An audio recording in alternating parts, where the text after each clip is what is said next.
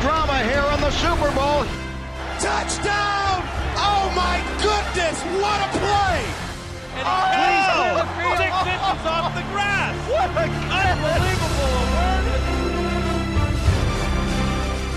Hej hej och välkomna till ännu ett avsnitt av veckans NFL nummer 154 faktiskt när vi nu ska snacka lite om Super Bowl som nyss har spelats, en extremt spännande match och sen kika lite in i off-season är tanken Lasse och kolla lite på eh, viktiga datum och hålla koll på vad, vad vi kommer hålla hus och hålla på med under, under uppehållet.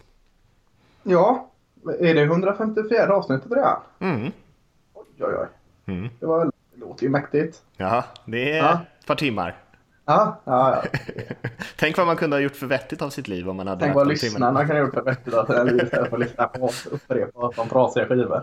Faktiskt. Jäkligt. Var tungt. Eh, ja, vad var vi? Super Bowl? Ja. Ja, vad, eh, vad säger du?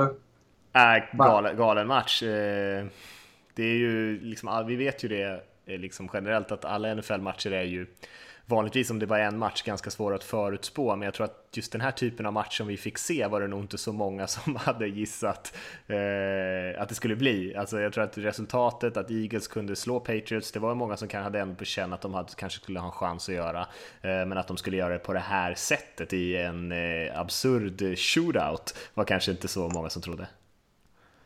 Nej, det jag tyckte det var väldigt överraskande. Eh, faktiskt att, kanske inte att Patriots vann eller att det blev, men att det blev sån eh, offensivt glädjespratt liksom och att det var så eh, böljande matcher. Det tyckte jag var väldigt överraskande. Spontant så liksom när man ser, när man liksom trött och, och jäklig direkt efter matchen i någon form av ändå upprymdhet så ska summera, så tänker man ja, men det är naturligtvis två dåliga försvar men, men kanske lite för lätt analys att, att uh, dra där. Eller vad, vad, hur ska man analysera det om man börjar på den negativa sidan? Ja, jo, men man får väl ändå säga att försvaren inte spelade särskilt bra. Eh, Eagles gör väl kanske, kanske det som är mest förvånande. De möter i och för sig Brady, men eh, att Patriots försvar skulle ha det lite klurigt skulle man ju kunna tänka sig. Och vi fick ju se där Malcolm Butler som vi pratade lite om inför matchen, deras corner som han hade bänkat Eh, av någon anledning som ännu inte är riktigt tydlig. Eh, fick säkert också konsekvenser på hur, hur bra Patriots kunde stoppa Eagles. Jag sa det till dig innan vi började spela in alltså att det var 1150 offensiva yards i den här matchen. Eh, det är inte bara mest i en Super Bowl någonsin utan det är mest i någon NFL-match som någonsin har spelats. Och då pratar vi om kanske ja, vad brukar vi säga, 250 matcher per säsong. Eh, man har säkert mätt det här i 60 år. Eh, vi pratar om 15-20 000 matcher så har det aldrig varit så här mycket offensiva yards i en match. Jag kan också ge dig en annan ganska galen statistik för som vi sa, det blev ju en shootout. Eh, Patriots hade ju över 600 yards i anfallet. Eh, puntade inte en enda gång i den här matchen och är faktiskt det enda laget på över 50 år som har förlorat en match där man inte har puntat en enda gång. Eh, så minst sagt en underlig, konstig Super Bowl, men jag tror de flesta tyckte att den var ganska underhållande. Det var den absolut. Eh, eller ja, det, det, det tror jag absolut de flesta tycker. Och, eh, lite så här eh, måste varit stressigt samtidigt som eh, glädjen infann sig även hos då vinnande Eagles-fans. Liksom, att se försvaret som ändå har gjort eh, en så bra säsong eh, i stort sett hela säsongen och Eh, många av deras lagdelar inte riktigt gjorde, kom åt, kom till. De, de gjorde det, det, det, det sista med den här handen upp på, på, på Brady. Men eh, visst, offensiven laddade ut poäng men det måste också känns jobbigt liksom, när de inte riktigt fick till sitt försvar. Man, man är så van att kunna luta sig mot det. Så jag, det har varit roligt lite, att höra lite mer från en, en igelskalle hur man, hur man tog sig an eh, natten. Liksom, för att eh, defensiva linjen gjorde ju inte, eller tilläts inte kanske man ska säga, att dominera på det sättet de har gjort tidigare. Verkligen inte den enda spelaren som egentligen hade någon typ av eh, effekt där på Eagles stilen var väl egentligen Brandon Graham som var framme och stressade Brady några gånger sen hade den här avgörande sack fumben där i, i slutet och det var egentligen när de flyttade in honom mot en guard, vilket i och för sig Ja. de brukar göra. Men eh, Patriots offensiva linje spelade ju jätte, jättebra i den här matchen, egentligen över hela brädet och man kan säga samma sak om Eagles offensiva linje. Jag twittrade ut rätt mycket grejer om Jason Kelsey som jag tyckte var rätt fantastisk och sen även lite klipp har jag twittrat ut här de senaste dagarna efter Super Bowl när de liksom börjar eh, florera där ute på internet och han gjorde ju en helt otrolig match tillsammans med alla spelare på, på Eagles offensiva linje. Absolut. Um, Jason Kelsey, fantastiskt bra. Uh, hyllas på plan som det går inte att hålla igen hyllningarna men ja, det är en annan femma det där med parader. Jag tycker han, det var jävligt enkelt. Vad fan, vadå? By mot världen. Det, sånt köper jag inte liksom. Jag köper dräkten och att han går bananas för att de har vunnit. Det ska man göra. Men, men jävlar vilket skitsnack i det han säger alltså. Eh, det är bull. Där, där sjunker han lite. Eh, framtiden fram tills han öppnar käften, kung. jag tycker att några grejer gjorde han ju bra, det, var ju, för han, det, är ju det, här, det har blivit helt viralt det här klippet för han är ju lite halvt galen men eh, där han står och skriker ut till fansen. Ja, det, jag gillar allt det, absolut. absolut. Men många delar är ju bra där när han pratar om sina lagkamrater och sånt där, men hela den här vi mot världen-grejen som du säger, jag menar Patriots-fansen kör vi mot världen. De är vi mot världen, absolut. Och det här med sina lagkamrater, fan det kändes också lite som han dra fram vad var han sa Lane Johnson hade blivit tvivelaktig för han hade problem med, med drycken. Eller vad han sa. Stay off the juice va? Nej, det var ja. väl på grund av dopingen va? Måste det vara? Ja, ja, ja, det kanske var det det var. Jag, jag tolkar också. För då, ja, då är det mer liksom sant. För vad fan var då han för? Man kan gräva fram liksom tvivelaktigheter om alla spelare. Ja. Det, det, kan, alltså, det kan du sätta in i valfritt lag det han snackar om där. Jag, jag gillar absolut eh, spelare som liksom kaxar upp sig och går ut och gör den här grejen eh, betydligt mer än att stå och göra eh, trippelvolter i endzone. Men fan. Okej okay att han gör det, men han ska inte hyllas för det han säger. Det är ju liksom ganska trivialt och, och klichéaktigt. Så eh, hyllar han då hellre för att han är NFLs bästa center och kanske en av de bästa offensiva linjemännen i ligan de senaste 10-15 åren. Det är där hyllningen ska vara.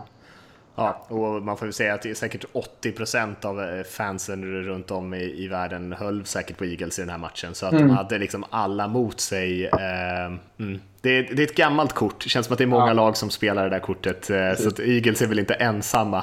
Men eh, särskilt originellt är det kanske inte den här vi, vi mot världen kul, kul är det, det var kul eh, alltså, liksom, istället för någon som bara eh, säger liksom eh, vill tacka Gud eh, oavsett om man är, är, vill tacka Gud och sånt så är det så jävla tråkigt att man får inte gå förbi, man får inte börja säga något innan. Först måste jag bara tacka Gud här liksom. Alltså, eh, kul med lite annat självklart men ja, lite halvtråkigt.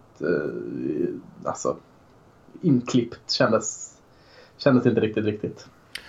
Nej, men jag tycker man ser i den här eh, vi har ju några Eagles-fans på vår redaktion som blev eh, väldigt såklart eh, tagna av den här stunden, vinna sin första Super Bowl eh, och det kanske lite också visar varför så många höll på Eagles framför Patriots. För hade Patriots vunnit den här, match, vunnit den här matchen, då hade det varit ännu en Super Bowl. Hade inte varit ja. något särskilt speciellt överhuvudtaget. Knappt för Patriots-fansen tror jag, som har vunnit så många Super Bowls vid det här laget.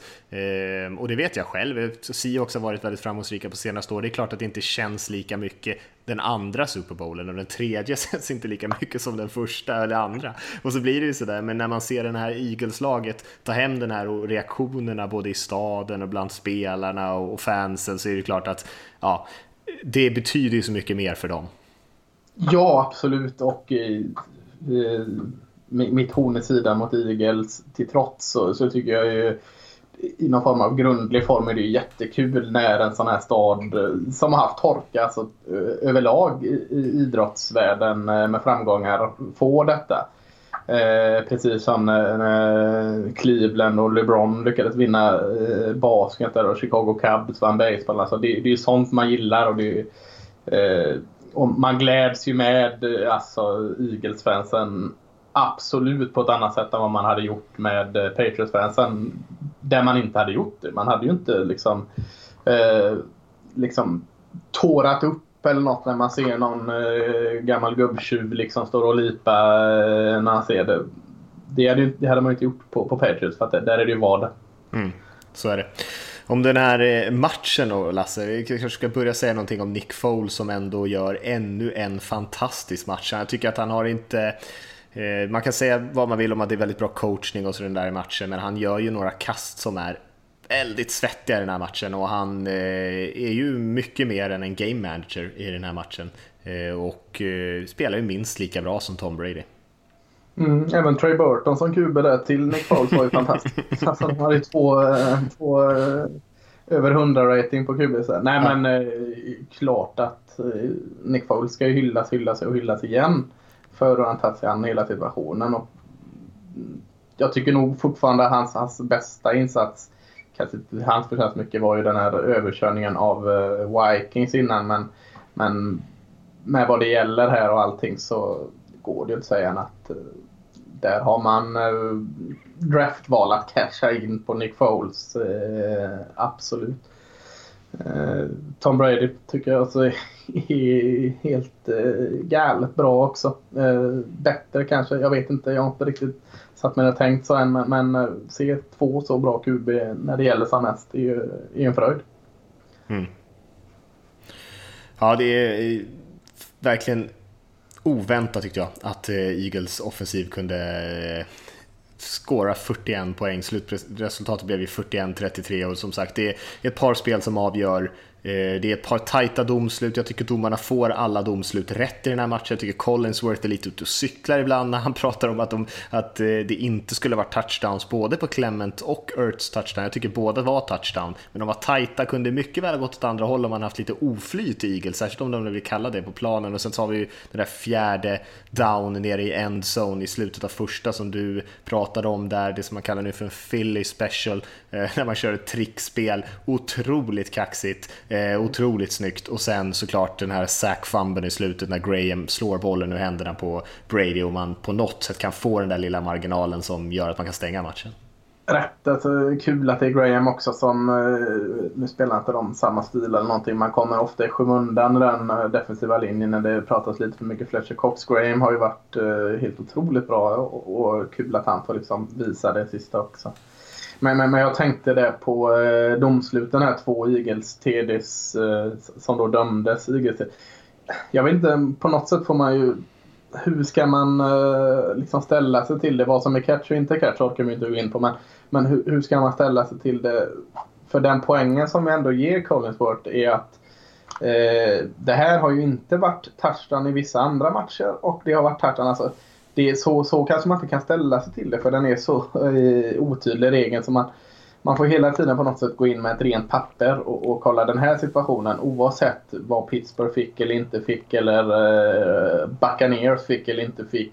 Så kan man inte sitta och jämföra gamla catch hela tiden heller. Det, det blir, man blir ju bara galen av det. Så att, eh, de här två passtiderna som jag, jag håller med. Jag tycker också båda var, var TD. Eh, hade man säkert kunnat plocka upp 10, 15, 20 klipp där det har dömts bort TD. Eh, bara i år nästan. Men, men, på något sätt kan man inte göra det med en så luddig och eh, dum... Eh, regeln i sig är inte dum men eh, svårtolkad regel. Så att, mm. Eh, jag vet inte riktigt. Det, jag förstår sådana som säger det, att ja, men den blev ju inte touchdown i den matchen. Varför blev det denna? Men eh, på något sätt så, så eh, hur dumt det än låter kanske man får liksom ta bort. Jämför inte med gammalt sätt dig här nu och kolla. Titta på den här sekvensen. Tycker du det var en touchdown? Ja, det var nog en touchdown. Vilket jag tyckte båda var. Jag tyckte ena var lite 50-50 men eftersom den dömdes på plan så köper jag fullt ut att det var TD. Men eh, ja, båda var det. Skit i att ta upp vad som hände i en match eh, tre veckor sedan. Mm. Nej, jag håller med. Jag, jag, jag, tyckte att det var TD när jag såg den. Eh, och eh, och, och då tycker jag att hellre fria än fälla, särskilt om man har dömt det på plan. Så jag är glad att de stod och det, jag tycker inte det är så mycket att snacka om egentligen. Jag, jag snuddade lite grann vid den här Malcolm Butler-grejen. Han blev ju om på någon av någon anledning bänkad. Eh, jag vet inte vad han har gjort mot Bill Belichick inför den här matchen. Han har inte haft sin bästa säsong, men han är ju deras klart eh, näst minst, ja det är deras näst bästa corner ändå och bänka honom inför Super Bowl så här. Eh, för det första extremt tungt för honom att inte få vara med och bidra när han har spelat hela säsongen och inte få vara med i den här matchen. Och dessutom, han ersattes ju av Eric Rowe som ja, gjorde ett han gjorde något riktigt bra. bra spel i början där. Va? Någon sån här riktigt snygg, eh, alltså nästan när Reeves var som bäst fick jag sådana vibbar. Jäklar vad han gjorde det snyggt. Han har också varit i Eagles innan va? Eller, Ja, det har han. Och tänkte jävlar nu är släkten värst här. Men sen eh, på det långa loppet så gick han ju bort sig ett par gånger. Ja, och framförallt det blev ju liksom konsekvenser efter. Alltså Eric Rowe var ju på Alshon Jeffrey på den långa touchdownen till exempel. Ehm, Ehm, och eftersom de spelade honom där och inte Butler överhuvudtaget, inte ens i nickel och dime-paketen, så betyder det att man spelade i Jordan Richards i slott på massa viktiga tredje downs, man spelade Johnson Bademosi eh, på någon annat, annat spel, både det här långa passspelet till Clement och, eh, och en hel del viktiga tredje downs såklart, så var de inne på, eh, där de kanske egentligen inte borde ha varit. Så att, eh, det har varit förvånansvärt lite ifrågasättande av Belichicks beslut att bänka honom tycker jag, för jag tycker ändå det är något som, om han inte ska gå ut och säga varför man gör det, eh, och det kommer han ju aldrig, troligtvis aldrig göra, så, så tycker jag han förtjänar kritik för det, för han verkade ju spelredo, han spelade ju special teams, så han var inte skadad, eh, och resultatet kunde ju inte ha blivit sämre egentligen. Men vad, vad har Butler sagt? Jag har inte suttit och läst stora löpmeter om det, men mer än att han eh, är förbannad och besviken över det såklart. Men han har inte fått någon anledning heller vad han har sagt av, av Belichick. Nej, nej. Han reagerade ju lite, var lite sur direkt efter matchen, men sen har han ju gått ut och liksom varit väldigt artig och sådär. Han är ju på väg i free agency, så eh, han vill ju inte göra bort sig liksom. Det som är gjort är ju gjort. Så vi, vi kommer kanske aldrig få veta. Det var ju någon som snackade om att han hade varit ute kvällarna innan där och, och varit sent. planet. Ja. det. Men det har han ju förnekat själv att det skulle Ja. ha hänt, att det är skitsnack. Så eh, vem vet? Det kanske bara för att han inte har spelat bra, men jag kan inte tänka mig att det skulle ha blivit sämre med honom på plan i alla fall. Nej, skumt. Jätteskumt. Har du några andra tankar kring den här Super Bowlen? Man kan väl säga någonting om coacherna i Eagles har väl gjort ett jäkla jobb också, Doug Peterson gänget. oj, oj, oj.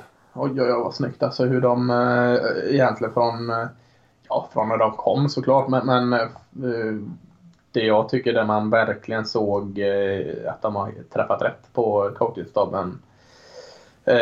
Jim Schwartz hade man koll på att han är bra defensiv men, men i offensiven här att när eh, Carson Wentz gick ner, hur de kunde anpassa sitt spel och inte behövde helt frångå det systemet som hade funkat med Nick Foles med några små justeringar. Får Nick Foles att funka jättebra i, inte exakt samma system, men, men eh, någon form av eh, variant av systemet. Det, det tycker jag är väldigt imponerande. Det ska bli spännande att, att följa det här coachingteamet eh, även nästa år. Jag håller med. Och jag kan ju säga det också att Eagles har ju en ganska ung trupp, nästan alla under kontrakt, så att eh, det kommer vara exakt samma lag, om inte till och med lite vassare nästa säsong. Så att, eh, och då har man ju Wentz tillbaka dessutom, så man får ju räkna med att de kanske till och med kan vara med och utmana ett år till, även fast sådana här år där liksom allting går rätt, Ja, inte alltid upprepas, men, men man har samma trupp i alla fall. Ja, de flyger högt nu, väldigt högt nu. Alltså, eh, Dynasti pratades bland annat om på Ja, nej, nej, efter jag ett har- år. Ja, äh, jag, äh, alltså, jag vill inte på något sätt låta som att jag tar ifrån Eagles någonting, men, men äh, ett år kan många dansa. Visa det nästa år också, så då kan vi börja prata. Ja. Mm. Nej, det är gott Kände, självförtroende. i Philadelphia. kände du någon gång, jag satt hela tiden under matchen, eh, förutom att trycka i mig eh, onyttigheter, eh, att eh, fan det känns bara, är det nu vändningen för Patriots ska komma? För, för Patriots låg ju, eh, hade de ledningen någon gång? Nej det hade de inte va? Jo, de tog ledningen. eh, Ja, ja, med field goal där, va? Ja, precis. Just och det blev ja, ja, men. 32, vad kan det vara, 32-30 eller något sånt där. Just det, just det. Men man kände hela tiden, är det nu, är det nu de gör rycket? Är det nu de liksom, de eh, kapar av Eagles? Så, så att jag ändå hade den känslan till den. Med ett finger på min betting liksom. Och nu är oddsen på att Eagles ska vinna här. Ja, men vi låter, eller eh, Patriots ska vinna här. Men vi låter Eagles göra en touchdown till för då går oddsen upp så jag kan lägga. För jag satt hela tiden ändå och tänkte att ja, men Eagles vinner. Eller Patriots vinner ju det här. Men eh, den känslan är i alla fall lite konstigt. Ja, nej men det, jag tror att eh, många kände så. Och när de fick tillbaka bollen dessutom. Alltså jag såg mm. ju i, även i vår lilla redaktion när vi har vår lilla chattgrupp så var det många som skrev det är slut. Det är slut med typ en kvart kvar när Eagles fortfarande ledde liksom. Och, eh, och det känns som att det är lite så varje match Patriots spelar. Utan liksom folk bara tar för givet att de ska vinna och överkomma alla möjliga sjuka hinder. Och det är väl lite, tror jag, lite är det ju sant. De är jäkligt bra i slutmatcherna. Men sen är det ju också lite att man kanske inte man, det som liksom är närmst i tid ligger också närmst i minnet på något sätt och de senaste gångerna Patriots har varit i de här situationerna så har de faktiskt tagit igen och vunnit i sjuka underlägen men det har de ju inte alltid gjort. Alltså jag menar Patriots har varit bra i 15 år, det är inte så att de har hållit på och liksom tagit igen 28-3 underlägen varje gång eh, och nu kanske Brady är bättre än någonsin men eh, det är ju snarare undantag de här vändningarna. Eh, det är ju ingenting som man alltid har gjort, då skulle man ha vunnit Super Bowl varje år. Mm.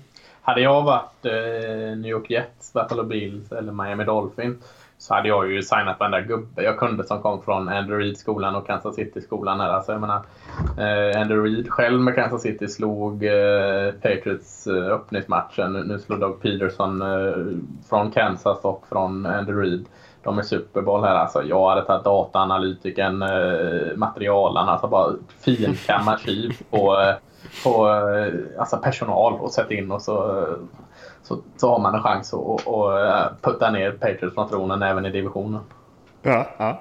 Ja, det, är inte, det är ju i och för sig inte helt ovanligt. Vi pratade väl om Andy Reid förut så är det ju han som har flest eh, liksom coacher som har jobbat under honom som har headcoaching-jobb. Det är ju nästan var tredje lag i NFL. Ja, jag hade, jag hade slutat läsa på CV när det står under Andy Reid, bra, här kontraktet, eh, en blank check, nu kör vi. Hörru du, vi, eh, om du, har du något mer att säga om matchen? Antagligen, men, men eh, det, det poppar inte upp nu så vi, vi, eh, vi går vidare. Vi går vidare. För jag tänker vi tar lite så snabba nyheter innan vi pratar eh, om eh, off-season och sådär också. Och en grej som du var inne och snudda på coacher och sånt där nu. Det är en, en ganska underlig historia. Matt Patricia har ju accepterat jobbet för Detroit Lions, men Josh McDaniels var ju klart egentligen att han skulle ta över Indianapolis Colts, eh, offensiva koordinatorn i Patriots, det vill säga. Och eh, de hade ju till och med twittrat ut från det officiella kontot, de hade schemalagt presskonferensen och allting. Att här är vår nya coach. Eh, och sen i sista sekund så eh, backar McDaniels ur och nu sitter ju Colts i en väldigt klurig situation. Eh, och jag tror, jag kan inte minnas att jag varit med om något sånt här tidigare. Eh, och det drar ju absolut minnet tillbaka till när Belichick gjorde det eh, mot Jets. Men eh, sen dess kan jag inte minnas att, att någon har gjort så. För nu hade, då hade ju Colts också, ska man ju säga, till och med anställt assisterande tränare och sånt där som McDaniels hade liksom lovat att han skulle komma och så. Så lite av ett rövhål move från McDaniels får man säga. För jävligt, han skjuter sig själv också i, i foten. Jag menar, eh, vem tar in han som, som HC? Eh... Jag skulle aldrig anställa honom. Nej, aldrig alltså, livet. Ambitionerna för en positionscoach måste ju... Alltså om han har varit sugen på det så måste han ha eh, ambitionen att bli HC. Liksom, någonstans. Är det, eh, han är ju körd överallt nu utan i New England Patriots. Eh, och och det vet man inte hur länge Bill Belichick sitter. Det var väl någon som sa direkt, ja när ska Bill Belichick sluta nu då? För att eh, han är kvar i, i Patriots. Att det var en sån grej att ja, Belichick steppar ner, eh, McDermott ny tränare. Men, men eh, alltså riktigt eh, utan att veta allt, det, det gör vi väldigt sällan här i podden. Sådana här, såna här saker om, om eh, anledningar som inte pressen vet. Vet ju självklart inte vi heller. Men utan att veta de detaljerna så, riktigt dåligt skött av honom. Eh, och hans rådgivare och agenter och allt vad det är.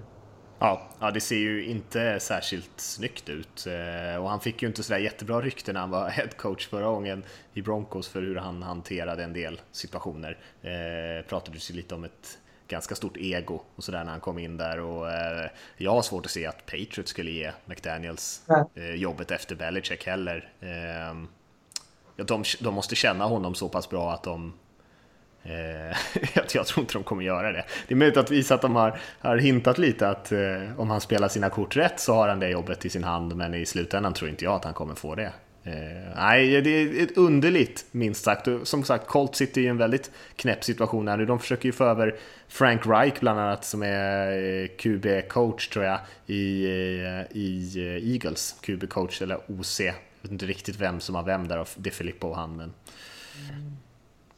Nej, eh, piss för Colts. Eh, nu får du använda den som form av tändvätska här och att eh, liksom, eh, göra det bästa av situationen som, som finns.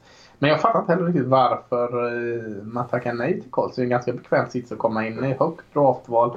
Eh, en förhoppningsvis, det vet vi inte heller, en förhoppningsvis eh, skadefri eh, franchise-QB. Liksom eh, två riktigt fina eh, bitar på plats plus att man eh, Colts har underpresterat bra länge. Liksom. Det, det, det är ju ingen jättepress som kommer in från dag ett att ta över Colts. Så att, eh, ganska attraktivt jobb och en anrik, eh, ett anrikt franchise. Ja, jag håller med.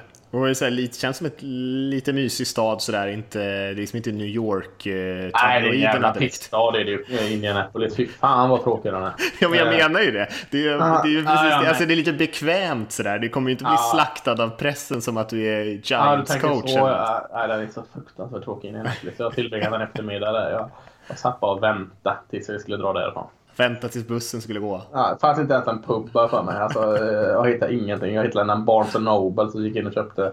Jag tror jag köpte Bill Parcells biografi där liksom och började bläddra i så att den där var fan också tråkig. Jävlar, det var oväntad sågning av Indianapolis helt plötsligt. Ja, fruktansvärt tråkig. Grå är den ju.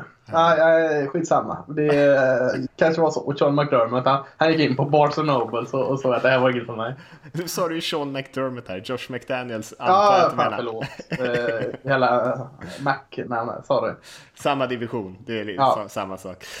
Eh, ja, men en annan nyhet, Lasse, vi, vi pratade inte om det riktigt förra, för jag tror att det redan då hade släppts namn. Jag är inte riktigt säker på när vi spelade in förra, förra veckan. Men Hall of Fame-klassen blev ju också klar. Eh, en kanske mer intressant Hall of Fame-klass än på länge. Kanske för att du och jag börjar bli lite äldre och att man faktiskt känner igen några av de här spelarna. Men eh, jag kan ju räkna upp dem bara. Det är ju receiven mm. Terrell Owens som eh, ja, många hade väl varit skeptiska till om han skulle ta in, komma in på grund av att han har haft en del eh, frågetecken runt hans personlighet, men han har ju produktionen. Randy Moss, eh, också en receiver såklart, så två jättereceivers. Eh, Ray Lewis, linebacken från eh, Ravens framförallt. Brian Urlacher, också linebacker, fast från Bears då framförallt. Eh, Brian Dawkins, safety från, från Eagles.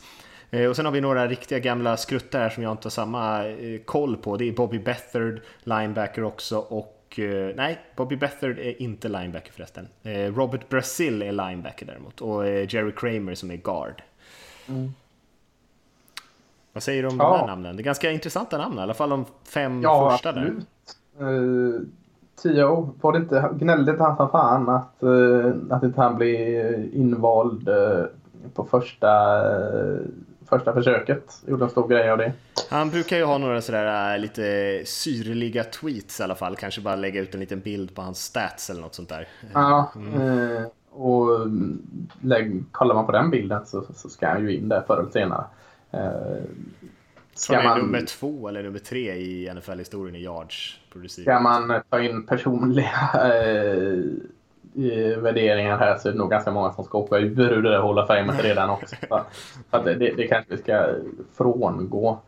Uh, Randy Moss, kul. Uh, från Sebastian Johanssons Marshall dessutom. Uh, så Ray Lewis känns ju självklart uh, given.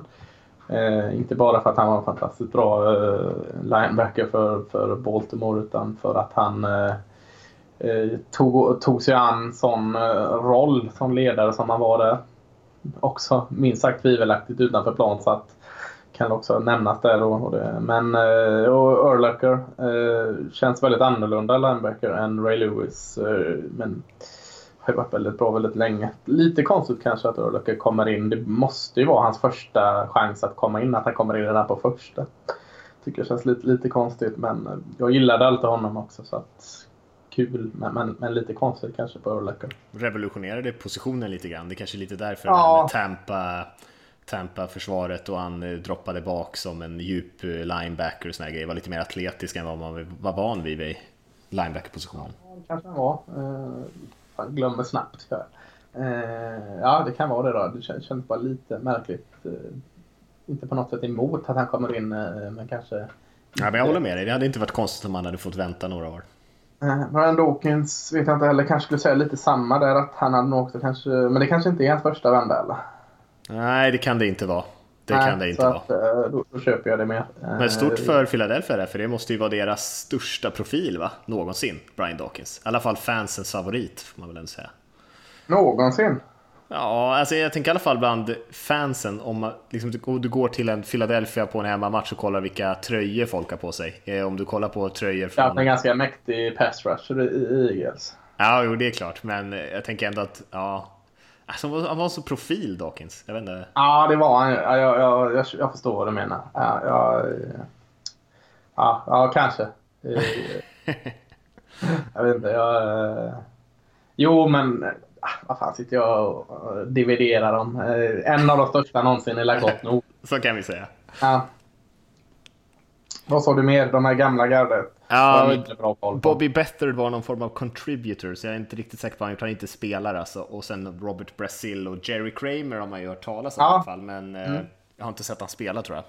Nej, inte jag heller. Eh, och eh, sällan är det ju att de är highlight tapesen rullar på något linjeman tyvärr. Så man en guard från 40-50 år sedan? Nej, det, det har man inte fått liksom. Eh, sitta med chipspåsen och, och kolla klipp. Eh, tyvärr. Men eh, kudos. Verkligen. Ja, nej, men intressant klass i alla fall. Och eh, det lär bli lite spännande tal där man kan tänka sig att Ray Lewis är, är lite crazy så. Och Dawkins är som sagt också en karaktär eh, och även T.O är ju minst sagt en, även Randy Moss är ju faktiskt ja, en karaktär. Så just med talen... Urlacher har ett riktigt tråkigt tal. Han känns, han känns inte som en talare. Ja, precis. Jag bara hämtade min lunchpåse, gick till ja. jobbet, gjorde mitt jobb och sen var det slut på dagen. Stämplade in och stämplade ut, kommer man säga. Stämpelklockan kommer man ta fram. Faktiskt.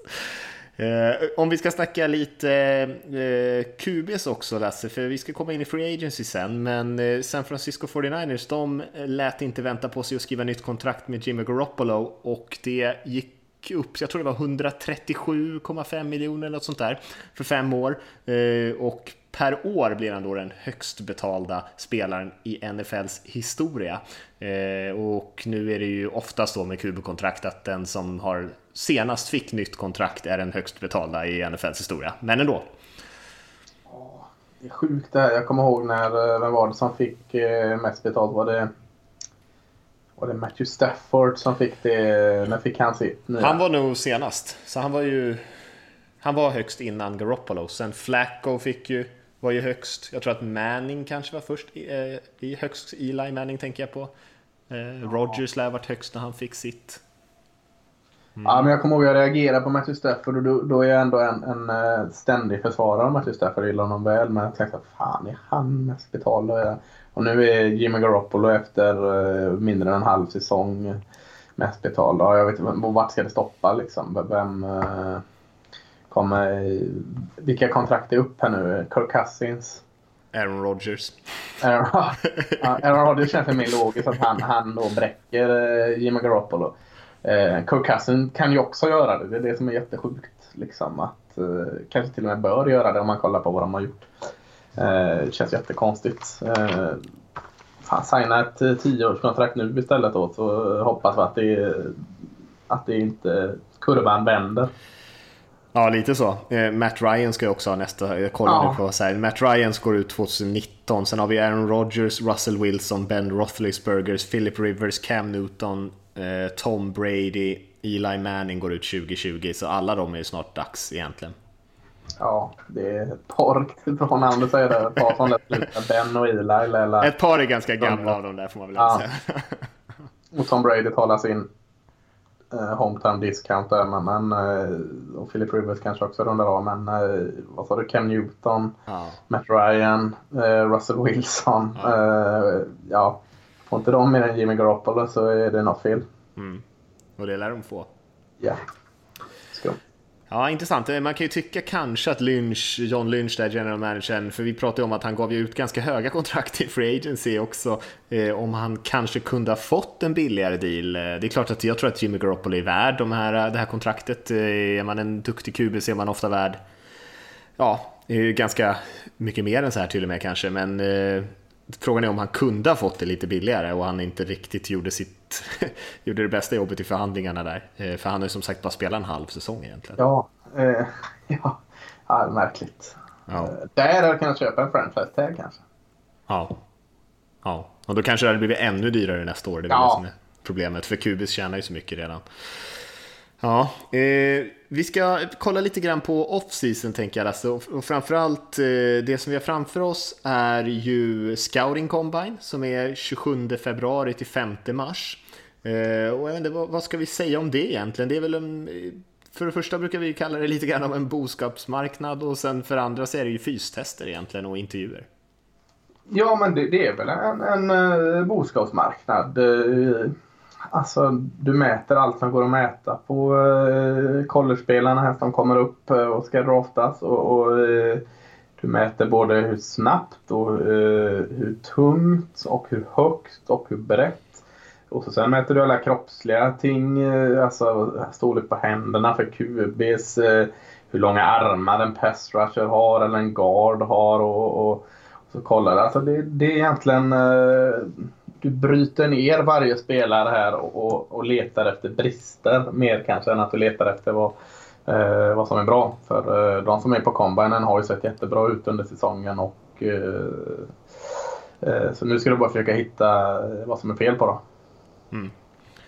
Och det brukar vara ganska bra underhållning faktiskt. NFL Network sänder ju det mesta eh, om man har det. Eh, och annars kan man säkert kolla via nfl.com eller hitta någon, någon gratis vecka eller något sånt där. Det brukar inte vara så svårt med just NFL Network om man vill hänga med lite grann. Det, eh, de sitter där och, och analyserar Mike May och gänget samtidigt som de gör alla de här fystesterna och man får se 40 yards sprintar och bänkpress och eh, stillastående längdhopp och eh, ganska spännande och jag tycker ändå att det finns, eh, skulle jag säga, och efter att ha kollat lite grann på det där, i alla fall, det finns en ganska ganska tydlig koppling mellan eh, om man har gjort bra resultat på fystesten här och om man faktiskt blir en bra spelare, särskilt om man kollar på rätt övningar.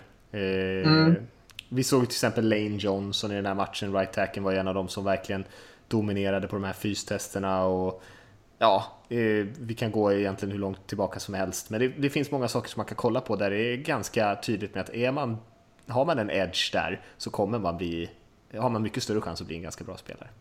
Ja, och det är som du säger, det är väldigt kul att kolla, alltså, kolla på viktrummet eh, när du bänkar eller, och detta. Det, det behöver man inte kolla på, alltså, det räcker att kolla vad de har tagit. Alltså, De brukar ju klippa in det med några lite highlights, det är inte så att man Ja, sitter och tittar man- man på behöver titta, 47 men- men bänkpress alltså- eh, kolla alltså, rena teknikövningar i fotarbetet och, och allt sådant. Det är ju direkt intressant. Alltså. Där ser du, behöver inte vara någon form av expert för att se att vissa eh, hanterar det och, och är längre fram än andra i, i de momenten när du kollar. Och en, en grej som är ständigt kul i den här 40 yards sprinten som eh, Ja, det är ju lite som att kolla på OS eller alltså, se vad de får för tider. Det, det är väldigt roligt. Eh, trots att man inte behöver se vad de har för sprintteknik kanske. Där hade du kanske också bara räckt att gå in och kolla vad de har för tider. Men det är ju väldigt, väldigt kul att se. Liksom. Eh, de brukar väl ha någon sån här eh, skugggrafik också. och Se vem som är snabbast och hur långt de ligger efter och allt sådant. En annan grej som, som har haft väldigt stor betydelse, folk har klättrat väldigt mycket i draften, är den här, vad heter den, jämfota hoppet uppåt, alltså när de ska slå bort pinnar, vad heter det? eh, Ja, det är väl bara egentligen the vertical kallar de det, Ja. är det inte det? där har du ju personer liksom som har, eh, det brukar alltid komma upp någon, någon liten underdog och hoppa högre än alla andra jäklar och, och det brukar leda till att de, de klättrar rejält i draften. Jag menar, Cowboys tog sin safety Baron Jones i, i första rundan. Nu kanske han inte skulle gå till sjunde annars, men han, han kom upp en del och det var mycket tack vare att eh, han gjorde så bra från sig där som de tog honom. Eh, så, så den är sån som att där brukar du få lite överraskningar och eh, ha bra spänst och spela eh, BB. Det är en ganska trevlig kombination. Mm. Så det är kul. Ja, eh, och eh, alltså, jag vet när man kollar på den här, du sa sprinten där, och det är klart det är inte relevant för alla positioner att springa 40 yards rakt fram, men jag vet att det finns en ganska tydlig koppling mellan offensiva linjespelare och vad man har för eh, tid på de 10 första yardsen som man också tajmar till exempel. Och om man kollar den topplistan på vilka som har vunnit den varje år så är det väldigt mycket duktiga offensiva linjespelare som faktiskt är där uppe som är liksom explosiva, eh, kvicka och på något sätt så måste man ändå ha lite, lite fötter och balans för att komma iväg på de där 10 yardsen bra. Eh, så det finns mycket att kika på om man kollar på rätt saker och framförallt underhållande. Få lite koll på namnen också. Ja, absolut. Eh, före eh, och några även efter så har det även Pro Days. Alltså olika college har eh, visar upp på hemmaplan eh, sina spelare som ska draftas när de står upp och kastar en boll och lite kryddade resultat ibland. Men det kan vara ganska kul också att få resultaten från till exempel vad Sand Arnold gör eh, på sin Pro Day i USI eller vad, eh, vad Will Hernan, Hernandez, guard från en lite mindre skola i Texas, gör på sin Pro Day och sånt. Nu vet jag inte hur, hur en offensiv linjeman jobbar på en Pro Day, men, men sånt är absolut kul att, att följa också. Eh, lite kryddat där eh, tillsammans med kombinen i samma veva. Så det, det, är mycket att hålla ögonen på för framtida stjärnor. Mm. Eh, och efter det egentligen så är det ju eh, det nya ligaåret, eller då Free Agency också kickar igång. Och det är den 14 mars som, är, som man ska hålla koll på. Och eh, det finns ju såklart massor av spännande spelare. Nu är det ju väldigt svårt att veta så här tidigt vilka som kommer faktiskt nå Free Agency. Men en spelare som vi räknar med ska nå dit är ju Kirk Cousins, quarterbacken. Och han lär ju få bättre betalt än Jimmy Garoppolo, skulle jag gissa. Eh, och det finns ju mängder och mängder av spelare som kommer bli free agents i år. O, o, an, eh, liksom oskyddade free agents, där inte laget har en option, eh, är väl det man framförallt ska kolla på. Eh, och och eh, så får vi se hur många av de här spelarna som får en franchise tag på sig, eller kanske till och med hitta någon deal här. Men eh, ja, det kommer bli tydligt ju närmare vi kommer vilka spelare som faktiskt kommer nå ut på marknaden. Mm, absolut, absolut. Nej, men det, det ska bli jättekul. Och sen Sen efter uh, Free Agency sprakar igång här så har vi ju det som uh, en av mina absoluta höjdpunkter på hela året det är det 26 april här med, med uh, draften i uh, Dallas och uh, Cowboy Stadium. Eller mm. vad heter det? AT&T Stadium. Ja. Eh, som sagt, super intressant och eh, lite på hur nördig man är och man orkar, hur många dagar man orkar sitta och titta. Men eh, första och andra känns i alla fall relevant. Då har vi första rundan första dagen, andra och tredje rundan andra dagen och sen fjärde till sjunde på sista dagen. Då. Ja, jag ser varenda pick slaviskt alltså. Det är... Uff, vad det är gott. Oj, oj, oj. Sjunde rundan är nästan den bästa. ja, Ja, jag, jag, jag, visst absolut. Jag dömer ingen här. Jag, dömer ingen. Jag, jag brukar kolla kanske till eh, fjärde, femte, femte kanske. Sen börjar jag inte ha koll på namnen längre. Men vi gjorde ju ett ganska bra jobb förra året tycker jag i alla fall. Att, eh, att kolla på några av de här spelarna och skriva upp vad vi tyckte om dem på sajten. Eh, jag ska faktiskt se om man kan se hur många spelare vi faktiskt skrev scoutingrapporter på förra året. Men det var ju en bra bit över 100 spelare i alla fall tror jag. Eh, som man kunde gå in och läsa på nflsupporter.se. Eh, gå in där under draften och kolla vad vi tyckte om spelarna och vad, vad de eh, liksom är för typ av spelare och var de möjligtvis kan höra hemma. Eh, och det antar jag och vi har redan börjat så jag vet att vi kommer att göra det i år också. Så får vi se hur många spelare vi hinner se tillsammans för det är ju många som gillar det här med draften men där kan man ju verkligen hänga med och få lite koll. Jag sätter press på oss själva så att den kommer bli bättre, större och, och vi kommer nog scouta det dubbla spelare än förra året. Så får vi fan leva upp till det och göra det nu.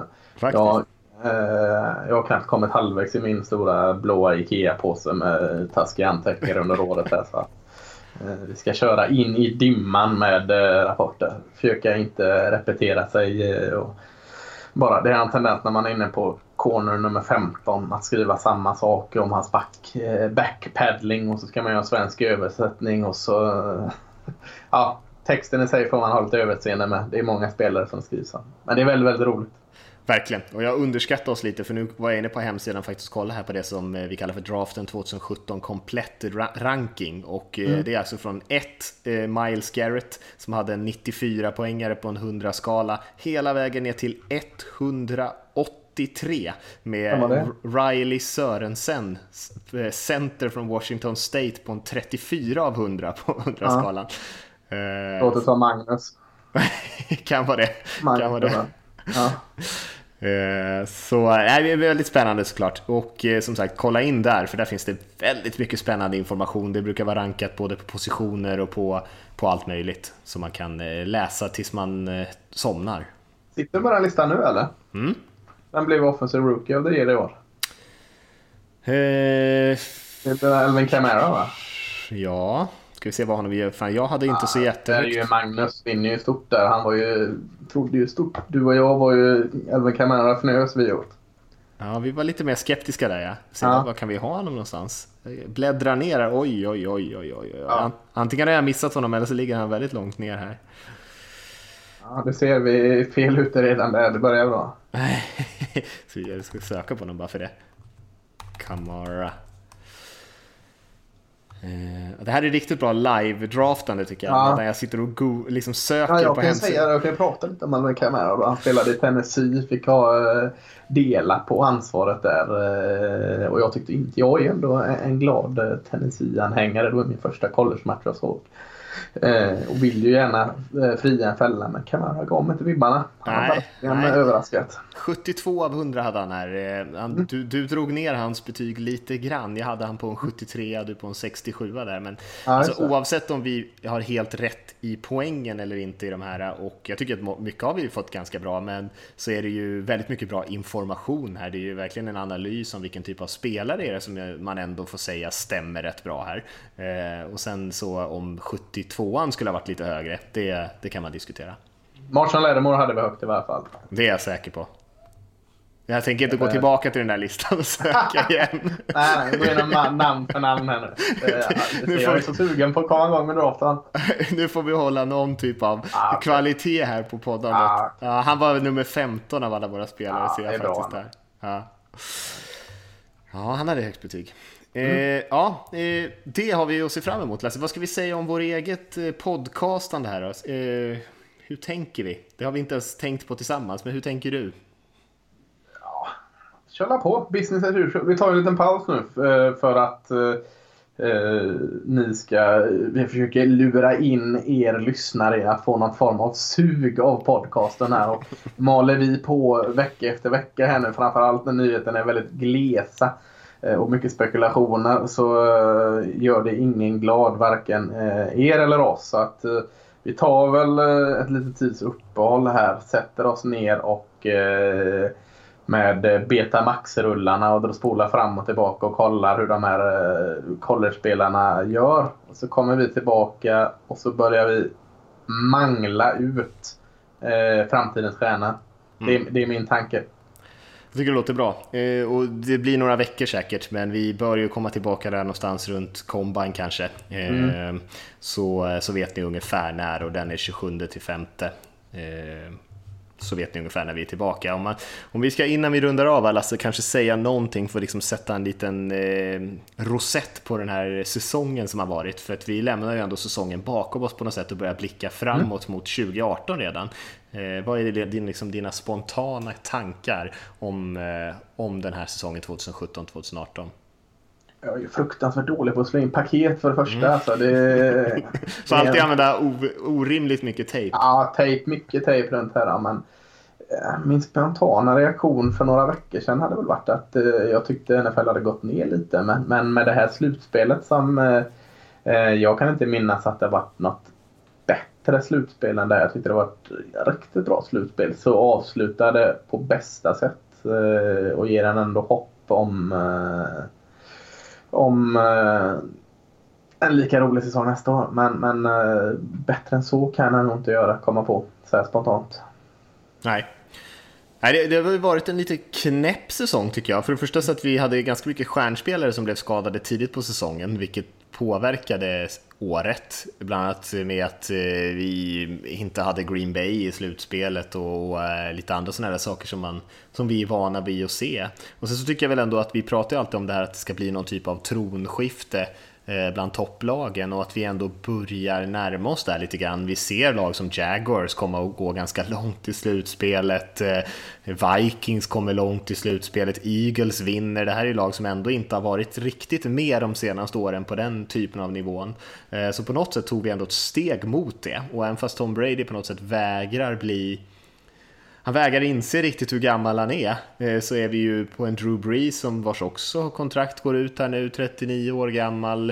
Eh, vi ser Rivers och Roethlisberger prata pension. Brady är ju fortfarande outstanding men, men fortfarande gammal. Att det på något sätt så börjar ändå närma sig någon typ av identitetsförvandling av den här ligan. Alla de här quarterbacksen som kommer in på ett par år, med ett par års mellanrum och har liksom varit superstjärnor väldigt, väldigt länge eh, är inte riktigt lika dominanta längre.